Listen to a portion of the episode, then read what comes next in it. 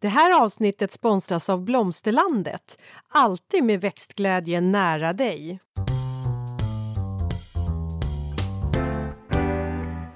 Välkommen till Ulrika och Lindas trädgårdspodd och det är jag som är Linda Kylén, trädgårdsmästare. Och det är jag som är Ulrika Levin, trädgårdsdesigner. Det här avsnittet, kära lyssnare, det ska faktiskt handla om riktigt tuffa växter som inte viker sig för eh, minusgrader och snö.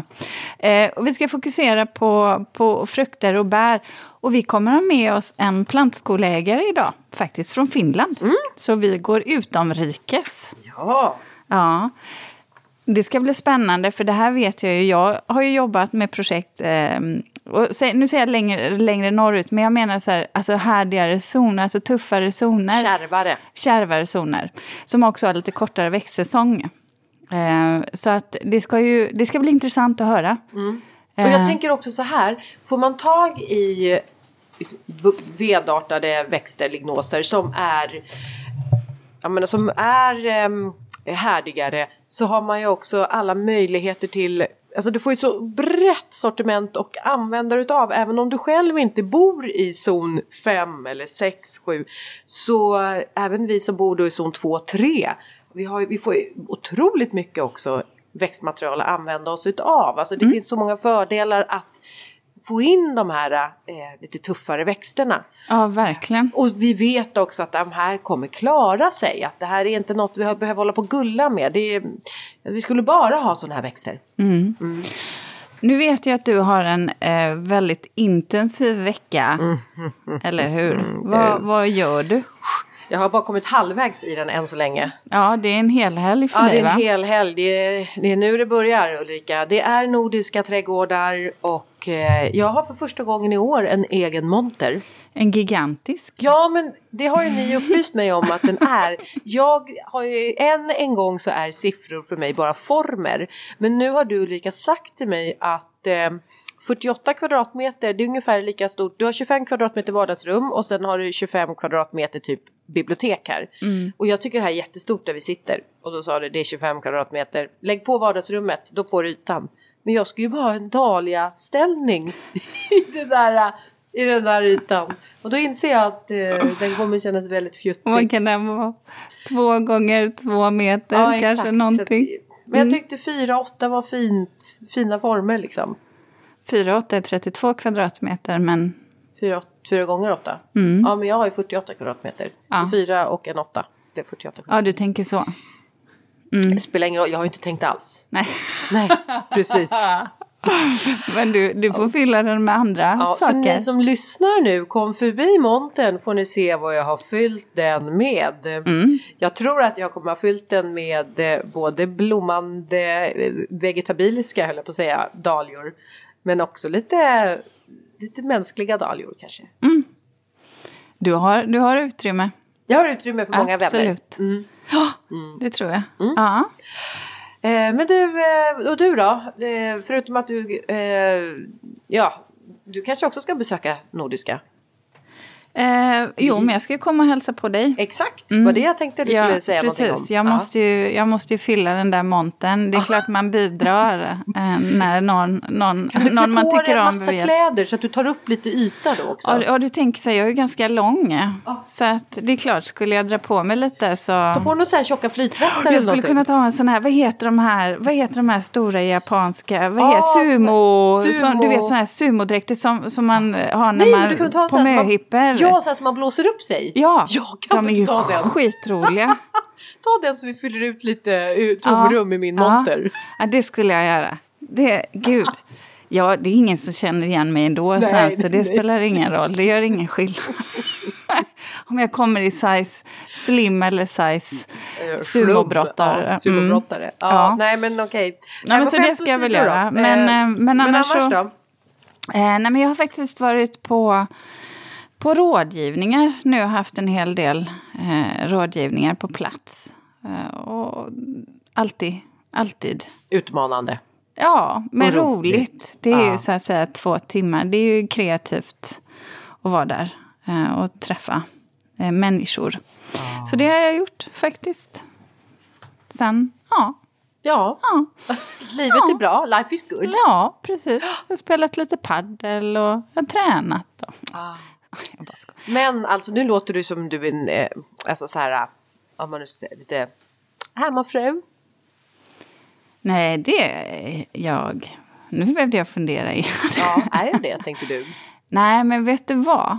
Det var ju så här Alltså, att då jag... menar jag det på ett fint sätt. Att det är någon som faktiskt har tid för att eh, göra de här... Eh, man, det kan lika gärna vara att man är typ som pensionär.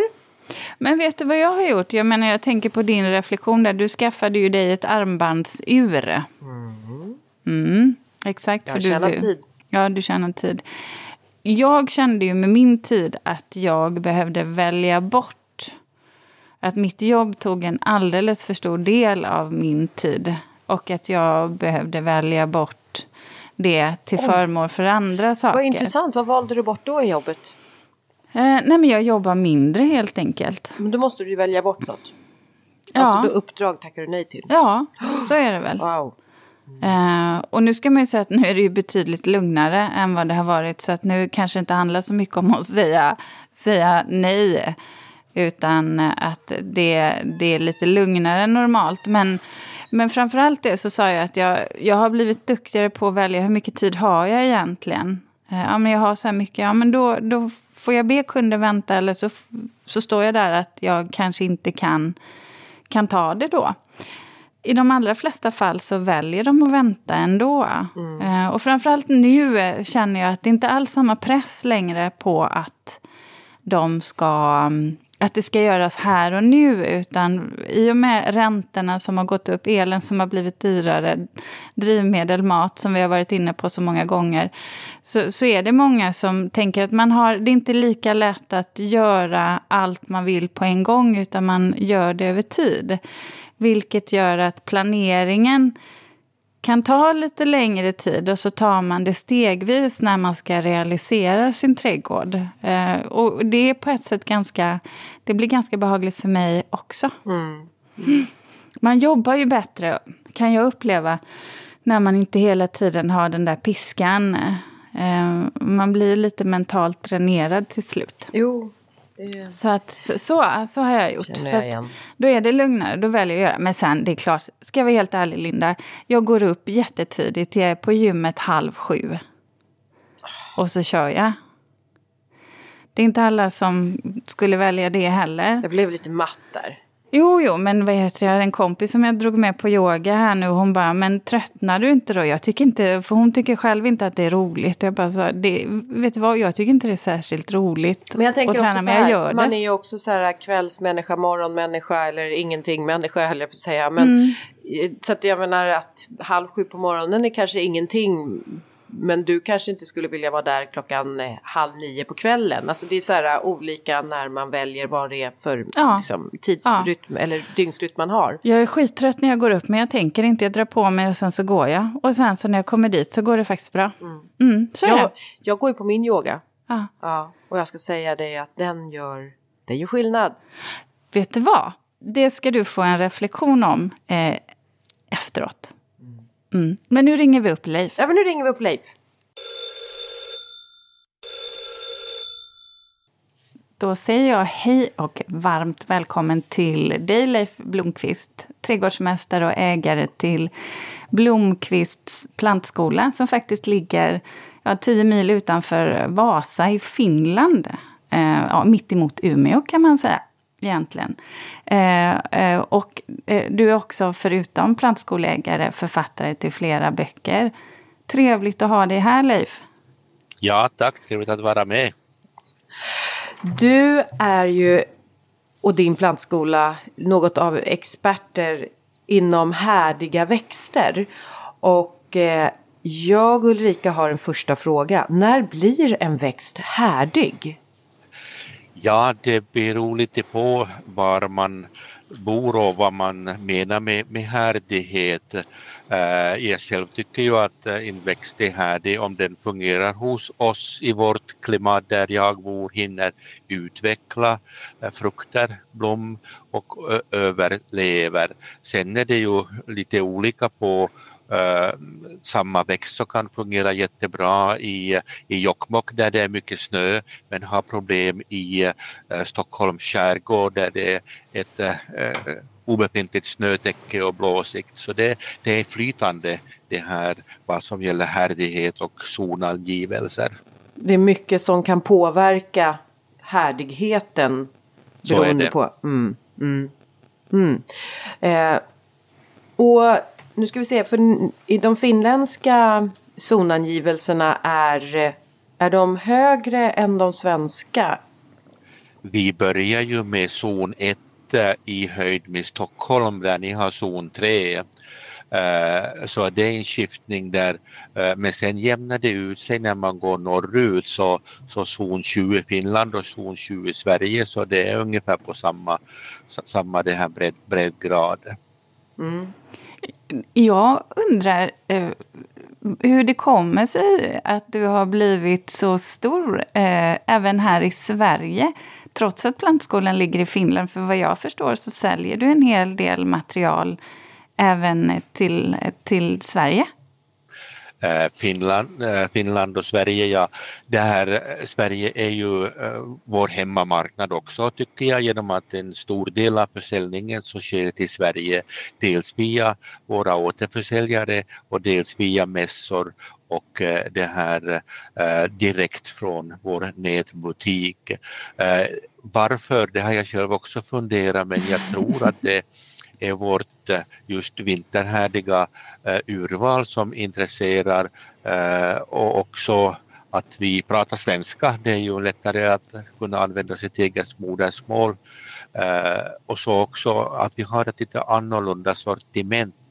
Till exempel när det gäller frukt, fruktträd så när vi kom till Sverige första gången och presenterade vårt sortiment i Umeå så blev det en, ett helt uppslag i Västerbottens Kuriren där man skrev att wow, nu kan vi odla äpplen också i, i äh, Västerbotten och Norrbotten.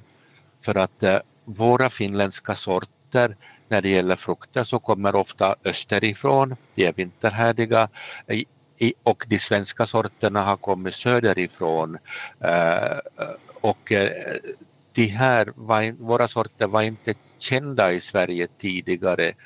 Till exempel eh, transparent blanche så tyckte man i Sverige att det var den mest vinterhärdiga sorten men vi håller den för den minst vinterhärdiga av alla våra 150 olika sorters det här äppelträd. Oj. Så det är väl det här som har gjort, och så också att vi gärna delar med oss av vår kunskap.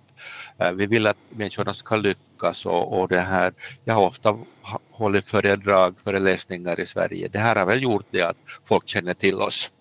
Mm. Men när, alltså vad, vad pratar vi för årtal när du fick det här uppslaget och eh, kunde komma till Sverige och tala om att det fanns eh, härdigare äppelträd än vad vi visste? För det känns som att eh, ja, det borde vi ha känt till.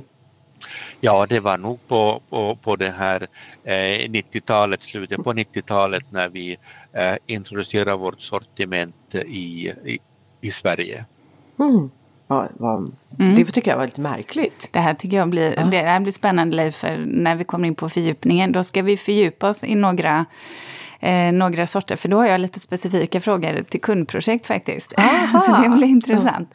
Men du Leif, eh, jag tänkte då, finns det, finns det någon sån här Eh, har du någon riktigt oväntad växt i, i sortimentet? En sån här växt som du vet är en riktig zonknäckare som man inte förväntar sig? Det är ju mycket som sker inom växtförädling och speciellt när det gäller nyttoväxter och ätbara ting eh, och en växt som var helt omöjlig att, att lyckas med, åtminstone i våra breddgrader, kanske inte ens i södra Sverige eh, tidigare, så det var ju körsbärskornell eller cornus mas för att eh, de övervintrar nog men de hann aldrig mogna.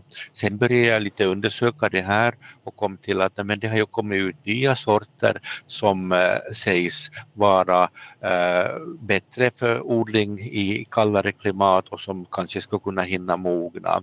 Och eh, nu har vi då haft i vår provodling här i 6-7 år eh, körsbärskornell som har övervintrat varje år till sista knoppen och som har gett frukter som har mognat hos oss här i motsvarande zon 5. Så Cornus mas körsbärskornell. Mm. Du Ulrika, hade, du försöker väl också knäcka zonen va? Du hade väl någon, eh, var det blåregn? Ja, Ja, men den, eh, jag, jag vet inte. Den eh, verkar ju, den tar sig jättebra på sommaren och då har jag ändå valt en sort som skulle klara zon 4. Nu har jag haft den i kruka. Eh, I och för sig ett väldigt alltså ett stort kärl, men den eh, vill inte komma sen vinter, alltså efter vintern. Och då har jag zon 2 i min trädgård, den står skyddat, men jag ställer ju inte in den på något sätt, utan den får ju stå ute. Men jag får den faktiskt inte att överleva. Den ser grön ut, man kan se, liksom, man skrapar lite på barken att ja, eh, där finns grön tillväxt, men sen så tar den sig inte helt enkelt, den vissnar. Det är som eh, fjärilsbusken, budlejan. Också en sån här eh, växt som eh, beroende på vart den står någonstans så övervintrar den i vissa trädgårdar och i andra trädgårdar så fryser den fullständigt ner. Mm, för jag vet, jag har grannar som har blåregn och alltså den vanliga visterian kanske är zon 1-2. Eh, men som då är planterade i jorden. Eh, och de, de är helt fantastiska. Mm. Det finns två trädgårdar här i norra Ängby som har det. Som man bara säger wow varenda gång man går förbi dem där när de blommar. Du kanske ska prova att gräva ner din blåregn då? Så den får äh, bättre, ja. större utrymme för rötterna ja. utvecklas. Mm, om det inte vore för den där trallen då ja. som trädäcket som är just där. Just Men ja, jo, så här. Ibland får man bara inse att det funkar inte bra. Eh, har man provat två gånger då kanske man kan strunta i den tredje och välja något annat. Så resonerar jag. Mm, mm. mm. Men eh, eh, apropå att välja. Vart ifrån kommer växtmaterialet som du har i ditt sortiment? Alltså sådär de, de kanske tre ställena mm. som du främst eh, hittar dina växter hos eller platser på länder. Ja. Uh, Okej, okay, om, om jag uh, ändå får eh, springa vidare några sekunder på den föregående frågan där. Det är ju stor skillnad på mikroklimatet Eh, och hur man lyckas med, med, med, många växter. Så det som fungerar hos mig kanske inte fungerar hos grannen 50 meter bort och, och vice versa. Så att, att liksom göra eh, omständigheterna kring den eh, växt man vill ska lyckas så bra som möjligt, kolla upp var den trivs och, och, och, göra värmefickor som man gör på Island där de odlar frukter och så vidare. Vårt växtmaterial, ja, det, vi har många kontakter fått genom åren runt om i världen och eh, österifrån från Ryssland har det kommit en hel del eh, som har kommit via eh, våra egna resor men också via KPO universitet som har testodlat ett hundratal, flera hundra egentligen olika fruktsorter från Ryssland. Men dels också från Kanada eh, där det också speciellt har man sysslat mycket med eh, nyttoväxter vid universitetet i staden Saskatoon. Och också förstås från, från Finland Eh, eh, och eh, en del har kommit faktiskt, en del ryska sorter har kommit in via, till Finland via de baltiska länderna eller via Polen som har kanske haft genom historien bra kontakter åt det hållet. Mm. Kanada? Mm. Ja, där hittar man en hel del äh, bärväxter.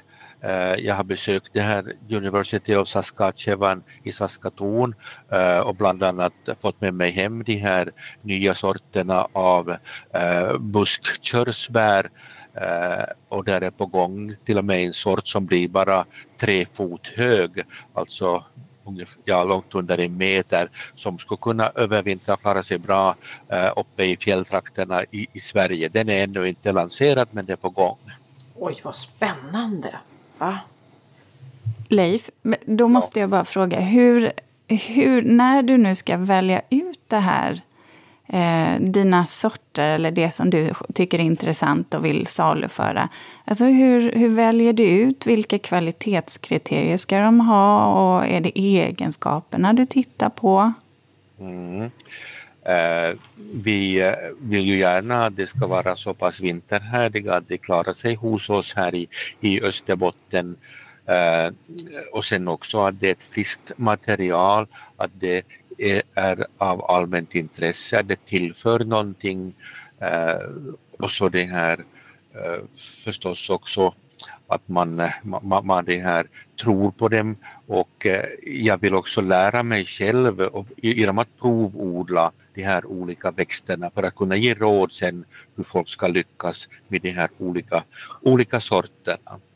Eh, det kanske inte är lika upphetsande att hitta en ny svartvinbärssort som att hitta någonting annat lite mer exotiskt som fungerar hos oss. Och, och det här, ett exempel så är ju då det här blåbärstryna som, mm. som jag satsar ganska mycket på att lära mig själv och för att kunna ge råd åt både yrkesodlare och hemträdgårdar. Och jag har varit och besökt, besökt det här jättestora odlingar i, i Polen uh, och i, i det här i uh, norra England uh, och besökt plockningsförsök och och, och det här på det sättet kan ge, ge råd och kommit underfund med att det här är då en växt som passar bra för våra förhållanden och, och givit den då plats i vårt sortiment.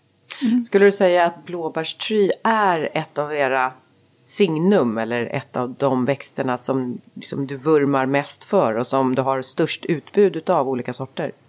Det stämmer nog för att eh, det är ju ett fantastiskt bär att man från ett litet bittert bär eh, historiskt sett har fått fram det här jättestora goda bäret och, och som kan odlas över hela Sverige och hela Finland i princip så långt norrut som man kan odla någonting och till och med fungerar bättre uppe i, i den här zon 6 än vad det kanske fungerar i zon, zon 1, åtminstone smakmässigt sett. Mm. Så om du, om du då skulle då sådär, välja mellan det amerikanska blåbäret och blåbärstry, då faller det din röst på blåbärstryt? Eh, det, jo, det gör det absolut. Eh, men eh, blåbär är också bra, men folk lyckas nog bättre med blåbärstry genom att det inte har samma krav som, som blåbär. Det, det, är ett lättodlat bär. På vilket mm. sätt samma krav menar du? Tänker du jorden eller? Ja, blåbär ska ju ha en sur jord för att det ska överhuvudtaget växa och ge, ge skörd. Eh, och eh, det, det, behöver då blåbärstryna inte ha utan det, det, det, det är toleranta när det gäller pH-värde. Jag brukar säga att lyckas man med en vinbärsbuske så lyckas man nog också med, med blåbärstry. Jag, satte, jag köpte faktiskt just blåbärstry eh, förra eh, året Eh, och, eh, men då fick jag, jag planterade min i kruka faktiskt, för jag har, eh, jag har lite platsbrist hemma hos mig. Men jag tänkte det blir jag, lätt så Ulrika. Mm. Men jag har ju faktiskt en ganska stor um, altan. Eh, och jag är lite ute efter bären. Jag vill ju ha dem. De har mycket bra... De har bra eh, både vitaminer och eh, lite mineraler och sånt i sig. Det som en, man vill åt. Ja, och det enda jag kan emot blåbärstry är att jag tycker att de inte är så vackra de där bären. Alltså själva bären? Ja, bären. Och, ja. ja de, de ser lite... Men de ska ju ändå ner i magen. Jo, jo, men de ser nästan lite äcke ut. Okej. Okay. Ja, okay. för mig. Ja. ja. Mm. Eh, då tänkte jag, ska vi, ska vi göra så att vi tittar på lite, alltså på sorter? För, för du pratar ju om just de här fruktträden, Leif. Och jag skulle ju jättegärna vilja ha bra härdiga sorter för kanske päron och plommon. Mm. Det här, eh, jo, det har, speciellt när det gäller päron så har utbudet av härdiga sorter blivit mycket, mycket bättre på de senare åren. Det har varit svårt tidigare att hitta sorter som har varit både goda och inte härdiga för zon 4 och 5. Precis. För zon 6. Mm. Men numera så finns det många, många sorter som går bra i de här zonerna och som är goda och stora och sma smakliga. Mm. Vad, du, du får ge tips där. Alltså, go for it, Leif. Mm. Till exempel äh, en sort äh, som heter äh, Pamjat Tjegolova. Det kommer från, från Ryssland faktiskt, de här nya, nya sorterna och, och, och, och det här. Det, det har då provodlats i, i, i det här i Finland i, äh, i 10-20 år. Äh, det som det som kanske är allra intressantast så heter Tjichovskaja de har alla ett lite besvärligt namn men jag tycker inte det är vårt uppdrag och rättighet att ändra om det här namnet till något, någonting annat. Men Tjichovskaja, Kafedralnaja, Stolishnaya och Vekovaja, där har vi både sommarsorter och höst och vintersorter av mm. päron som är vinterhärdiga och smakliga. Gud så bra! Mm. Va? Mm. Plomman då? Eh, när det gäller plommon så så det här, vi har kontakter med Kina, en för detta eh, bär och eh, eh, fruktspecialist som nu på, på pensionärsdagar eh, sysslar med att inventera gamla sorter som, som eh, är vanliga i norra Kina. Och där har vi fått då ett plantbyte till stånd med, med honom så att de odlar då finska äppelsorter, hupitus och pirja i Kina. Och vi har fått då de här vita körsbär, vi har fått eh, de här stora eh, kinesiska plommonen, Mitao-Li och Shiren Li i utbyte. Och eh, det, det här är då någonting som vi tycker att är jätteintressanta och tillför eh, mycket i vårt sortiment från förr. Jag som värnar om eh, pollinatörer och insekterna i trädgården fastnade för en växt som heter fjärilsranka. Den hade inte jag mm. hört talas om. Vad är det för växt? Och Eh, Chisandra chinensis, så det är också en, en sort som kommer från, från Asien och odlas mm, frekvent eh, i stora mängder i, i, i Kina. Och det är väl den växt som är som läkemedelsväxt eh, störst efter ginsengroten faktiskt. Och där finns det jätteodlingar av, av det här. Det är ju en klängväxt och eh, ganska ovanlig i, i, i våra trakter och, och, det här. Men det, den har funnits i, i århundraden det här och, och det här tillverkas en massa preparat av dem i hälsobutikerna.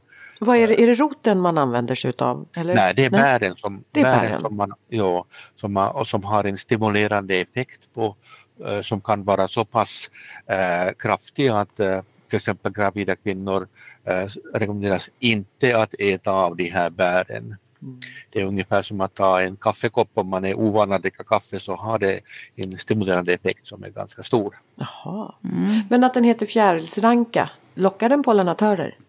Eh, det gör den, ja. Och, och eh, en sak som har varit uppe på nätet där man har funderat att behövs det många två olika sorter för att få skörd men det, det behövs det inte utan det, det bildas både han och hornblom på samma växt. Eh, inte nödvändigtvis på samma gång eh, men, men bara man ger sig till tåls några år så får man både han och hornblommor på samma planta. Mm. Men du, eh, de här bären, eh, torkar man dem eller använder man dem i sylt eller hur, hur, och hur smakar de? Har du smakat på dem?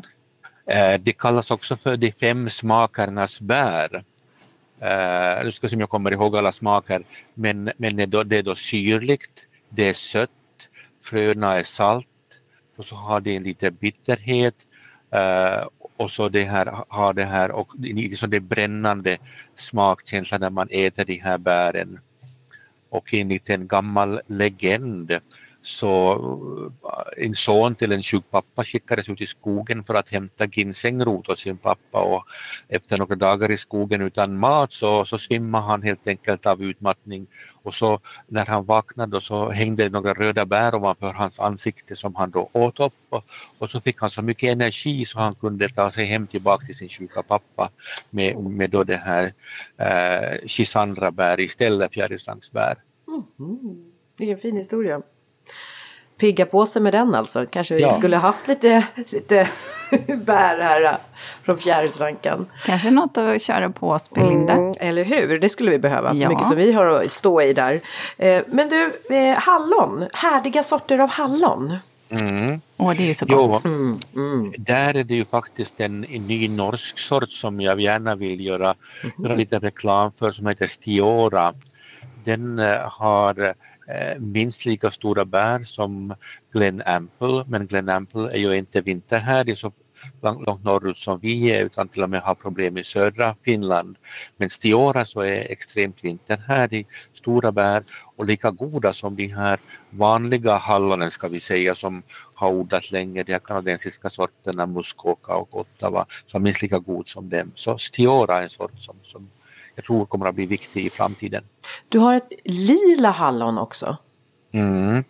Ja, det är det här faktiskt en släkting till den här Glen Ample eh, som, men som är mera vinterhärdig. Och det är lite ovanligt med, med lila hallon. Jag skulle ja. faktiskt säga att det är en kuriositet i alla fall, ingenting som jag tror att det kommer att finnas stora odlingar av i framtiden. Men det kan vara lite kul att bjuda på lila hallonsylt till exempel. Ja, jo men faktiskt. Alltså just där och när det gäller desserter Eh, så kan jag mm. tycka att en, en, del av är ju, en del av smakupplevelsen är ju också det eh, som ögat tillför mm. eh, dekorationen också. Men hade, du, du, hade du sortnamnen där?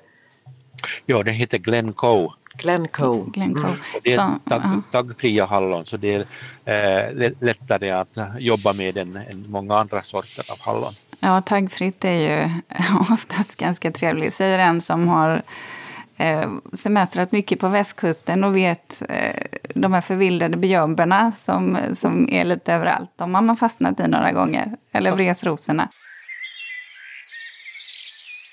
Linda, visst är vi stolta över att ha en sponsor till dagens avsnitt? Ja, och det är Blomsterlandet. En trädgårdsbutik nära dig med butiker över hela landet och en e-handel som är öppen dygnet runt. Välkommen! Men du Leif, jag tänkte så här. Eh, vi kan väl ta några sorter både när det gäller äpplen och körsbär också. Det är ju två mm. vanliga, och körsbärna, och som två vanliga träd som också har väldigt vacker blomning. Mm.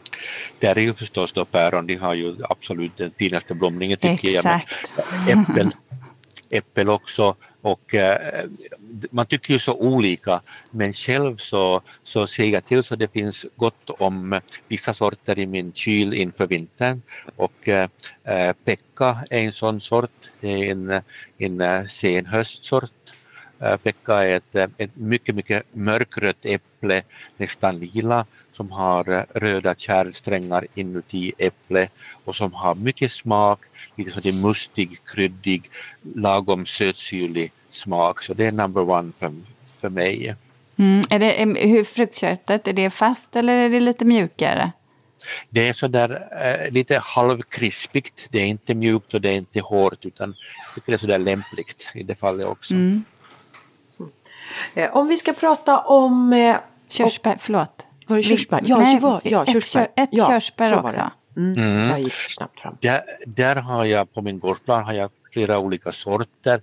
Eh, hos oss så fungerar inte de här bigarråerna något vidare mera.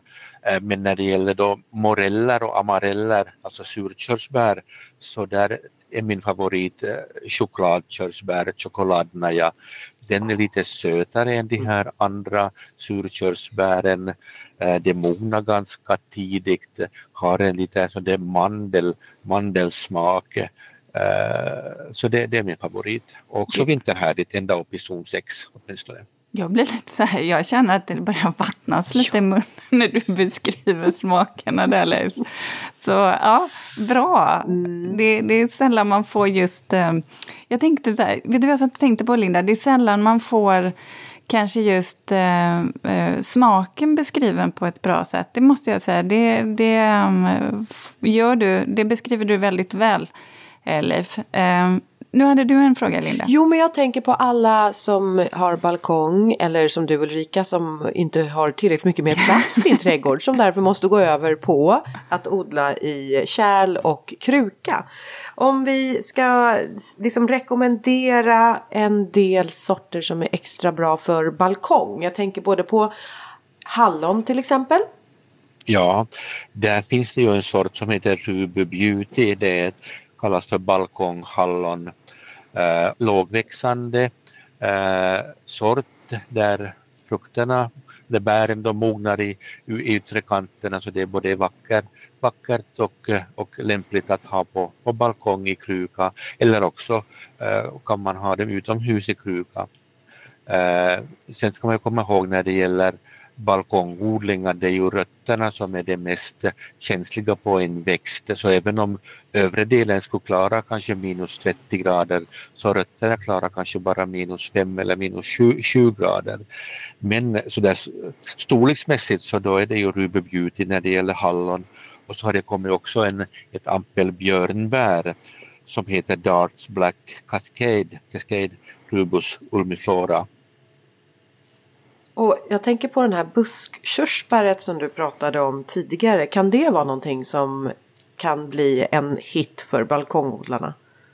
Det en, även om det heter buskkörsbär så blir det ju inte små, det blir inte en stor buske som är kanske två meter, två och en halv meter oh. stort. Men vi väntar, vi väntar på det här, uh, den här sorten från Kanada som ska bli bara tre fot hög. Den dag den blir fritt att sälja dem så då hittar man kanske en, en sort som fungerar på balkongen och vi har den hos oss redan i vår provodling men vi får inte föröka den här sorten. Mm. Och när det gäller äppelträd då? Eh, det enda som jag kommer på som har ätliga frukter så det är ju de här olika typerna av pelaräppelträd. De tar ju inte så mycket utrymme och kanske det som är läm mest lämpligt. Sen finns det ju eh, riktigt uh, som blir jättesmå, nästan som bonsaier. Jakobstens dwarf till exempel, men det är ju då helt en, en, en ett prydnadsäppelträd med, med pyttesmå äpplen med en enormt vacker blomning. Mm. Och här, ska man ha det på en altan så kan du ha, det vill säga inte en balkong och inte en terrass där du kanske har viktproblem, men på en vanlig altan. Man kan ju absolut odla en buske som är två meter hög. Lite, det är ju bara fint, men då behöver man kanske gå upp så att du har ett planteringskärl som någonstans ja, 90 centimeter i diameter i alla fall. Man behöver ha lite jorddjup där. Sen blir den ju inte riktigt så stor då, naturligtvis eftersom jordvolymen blir begränsad. Mm. Men, du, ja. eh, Leif, jag vet att en av de första gångerna som jag träffade dig det var på en mässa. Och eh, jag hade precis flyttat in i vårat förra hus och där bodde det en kvinna sedan tidigare som hette Ester och där hittade jag att du hade ett spö, eller om det var, var spöplanta eller om det var ympris utav päronäpplet Ester. Mm. Och ja. nej men vänta, det var nog faktiskt ympris var det. Och eh, jag, jag, köpte på mig för jag tänkte det här måste jag ju odla i den här trädgården. Lite för att eh, hylla eh, hon som tidigare bott där. Jag la det i kylskåpet och där blev det liggandes under ganska många år. Eh, hade jag kunnat väcka hur länge kan man förvara ympris i, i kylskåp? Eh, man kan förvara ympris i ett kylskåp om man ser till så det inte torkar ut så att man behöver ha fuktigt papper runt det här ympriset och så ännu inne i en plastpåse eh, och så längst ner där det är som kallast. Eh, ett annat ställe att ha ympris på om man har snödäcke så det är att gräva ner det under snön. Gärna med markkontakt i alla fall där det är per perfekt miljö. Men om jag nu hade lyckats få det här ympriset och ympat in det och sen fått frukter. Vad hade jag fått för någonting? Ett päronäpple? Mm. Ja, det är ett äpple, eh, ett ganska litet, inte vackert äpple men som har en alldeles fantastiskt god päronarom och smak och den här sonen till den här Ester som nu har hand om huset där det här mordet växer så han erkände för mig att han har blivit beroende av det här äpplet. Oh. Så pass Ja, där hör ni kära oh. lyssnare. Nu vet ni vad ni ska välja. Men, men Linda eh, och Leif, nu pratar ju ni om både ympris och spöplanta. Eh, kan inte du bara kort förklara Leif, vad är ett ympris och vad är en spöplanta? Eh, Ympris det är ju då grenar eh, av ett eh, fruktträd till exempel som man använder när man gör nya träd. Man ympar det på en befintlig grund, på en grundstam eller byter ut en gren på ett befintligt träd. När det gäller spöplanta så det är då det första skedet när den här ympen då har växt ett år så då är det ett rakt spö som hos oss är mellan 60 centimeter och en meter högt och det är då ett år yngre eller två år yngre än vad vi normalt säljer, eh, alltså kronträd. Och vi säljer då spöplantor på mässor för att det är lättare att bära med sig jämfört med ett stort träd i stor kruka. Om man sätter ett sånt här träd, om man nu skulle ha det, säg att man hanterar det från spö, hur lång tid tar det innan, innan ett sådant träd ger frukt? Mm. Det är då som jag sa ett till två år äh, yngre än, än ett vanligt träd som man köper. Och sen är det ju då äh, en sortegenskap hur fort det börjar ge skörd. Men vissa sorter, till exempel pirja, så ger skörd äh, normalt Eh, två år efter planteringen. Eh, men sen finns det ju sorter som åkerrö som kan behöva upp till 15-18 år förrän det ger skörd. Så, men de flesta ger skörd inom 3 till 4 år. Och det, det, känns ju mer rimligt. 15 till 18 år, det är ganska lång tid att vänta, tänker jag. Det är det. Då kanske man har hunnit sälja huset och flyttat igen. Jag hann sälja. Du hann. ja. Så kan det gå. Ja.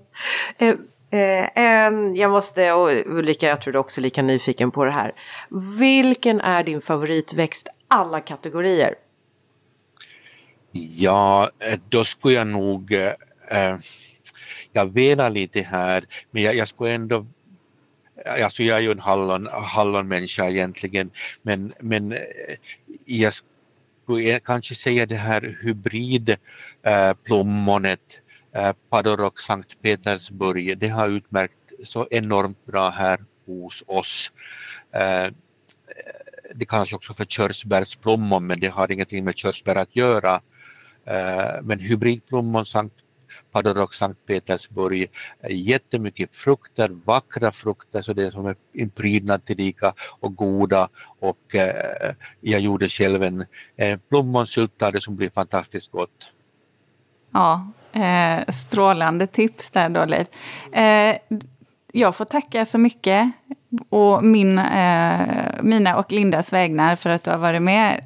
Jätteintressant och vilka, vilka tips vi har fått. Mm -hmm.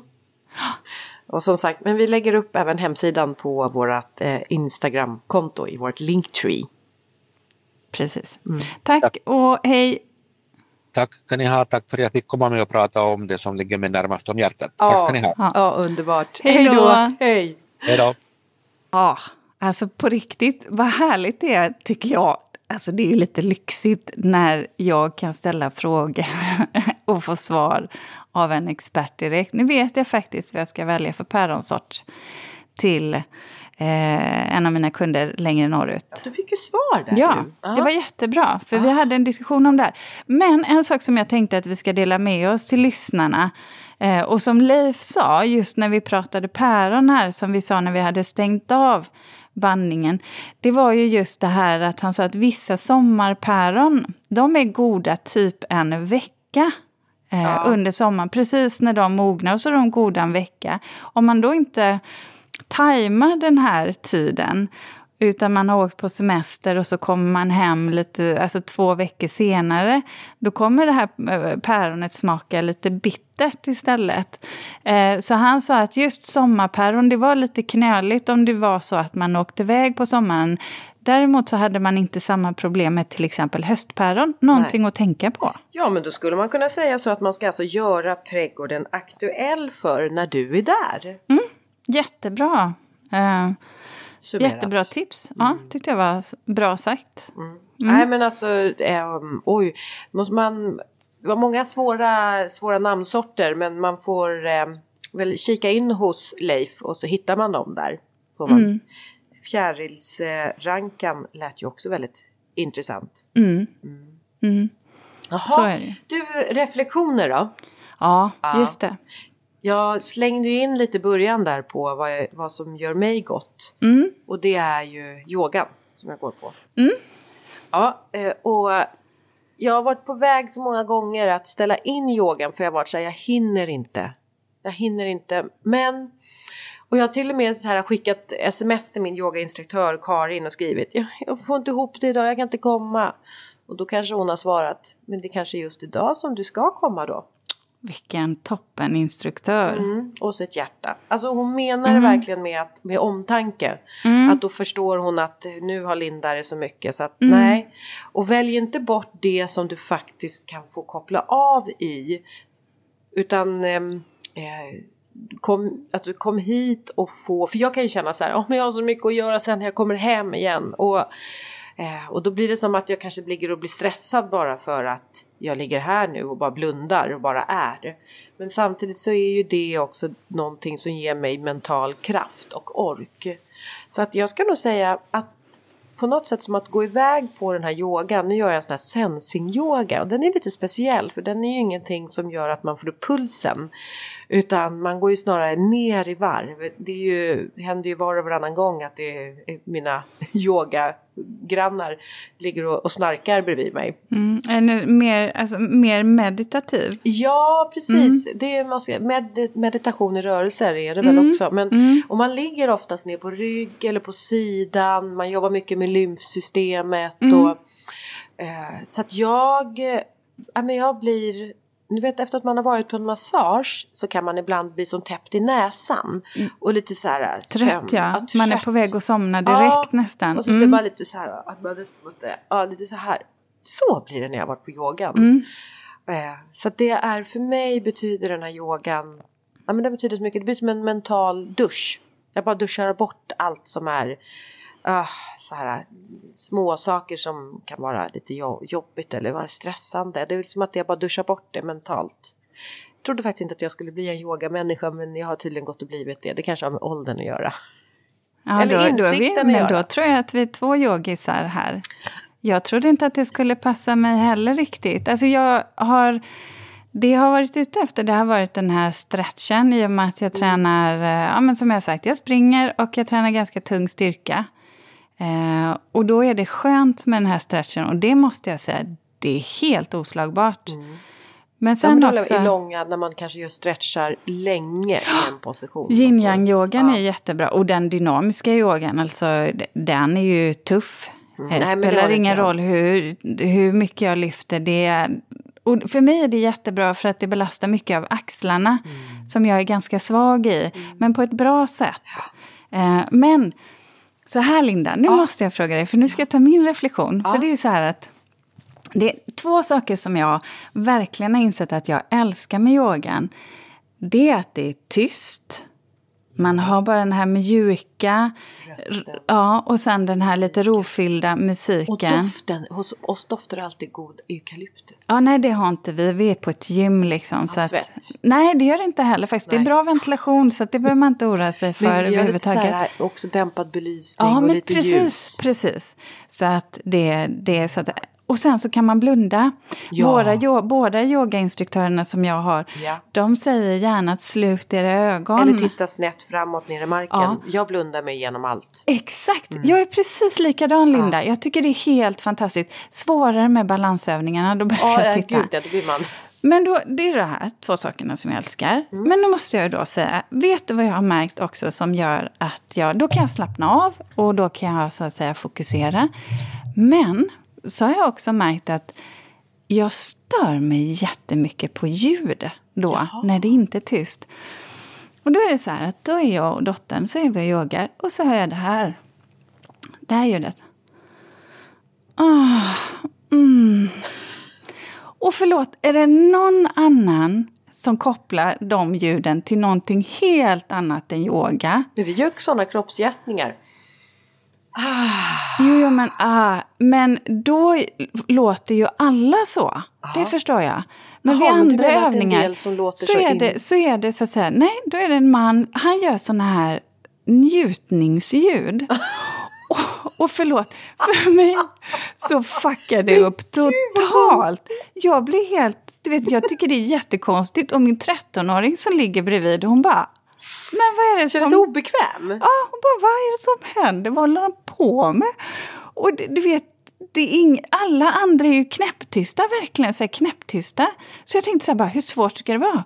Och vid ett annat tillfälle, då är det också en man, och nu känns det ju bara som man outar killarna här, men det var faktiskt fem andra män med också, de var tysta. Men, men då är det också en man som, när vi ska göra den här yin-yang-yogan i stretchposer, det är uppenbarligen väldigt jobbigt och för honom, och det vet jag själv, det kan dra ut i ytterlägena när man, när man liksom verkligen håller en position under tre fyra minuter. Men när han ska komma in i nästa position så är det så mycket stön och stånk så, stånk, så att du vet, till slut så känner jag att jag tappar fokus. Han förstör jag, för dig. Ja, och sen har jag en annan människa bredvid mig som andas jättehögt och jättesnabbt. Och jag andas ju extremt långsamt. Och då märkte jag så här att gud, jag är så inte i, på den nivån så att jag kan stänga av allting. Jag klarar inte av det. Och då märker jag direkt att kan jag inte fokusera så får inte jag ner min andning. Nej. Och ja, det är också intressant. Ja. Att det, jag tycker jag är bra på att slappna av Ja. mm, i rätt tillfälle. Alltså när, när det är optimalt. Men blir det lite mer störande moment, då, Då, då, hoppar, då kommer det så att du Då håller åker dig kvar uppe ja. vid ytan. då blir jag irriterad Då blir du irriterad ja. Det är Ja. också intressant Är du en reflektion. sån som irriterar alltså över sådana som prasslar med godispåsen när man är på bio? Kan jag absolut vara. Mm. Faktiskt. Men det är också, vet du vad jag kan tycka att det är då? Då är det också så här att jag kan inte kontrollera det. Och då är det ganska intressant att se att, ja men vad gör jag åt det då? Då får jag ju någonstans hantera det. Och det är också en bra självinsikt och bra att öva Mm. på. Att faktiskt så att säga eh, släppa taget och försöka fokusera igen. Så att det blir ju en du- ö- övning i dubbel bemärkelse. Vi har också konstiga ljud i våran lokal nämligen. Eh, nej, för man ska ibland så skaka, skaka typ rumpan Ja. fast man ligger ner och då låter det en massa. Ja, Eh, och det, de där ljuden eh, skulle jag kunna bli irriterad på. Mm. Fast jag ligger där så jag bara, jag hör det. Men jag bryr Mm. mig inte. nej. Oj, Men, och det kanske är så här, oj vad hon skakar rumpan där borta. Men Mm. jag bryr mig inte. Ja. ja. Nej, jag kan säga jag brydde mig. Framförallt de där eh, njutningsljuden. där, där, det, det, det kan inte jag hantera. Nej. Men hörni, eh, kära lyssnare. Tack Ja. för att ni har lyssnat idag. Ja. Och så hörs vi igen om en vecka. Jag får hoppas att inte du och jag har konstiga ljud för oss i podden. Nej. Säger saker, upprepar samma ord. Ja. ja, det kan ju jag göra. Ja, det kan jag också göra. Och säga obscena ord händer Ja, också. det händer också. Hur Ja. är det med din krukträdgård? Mm.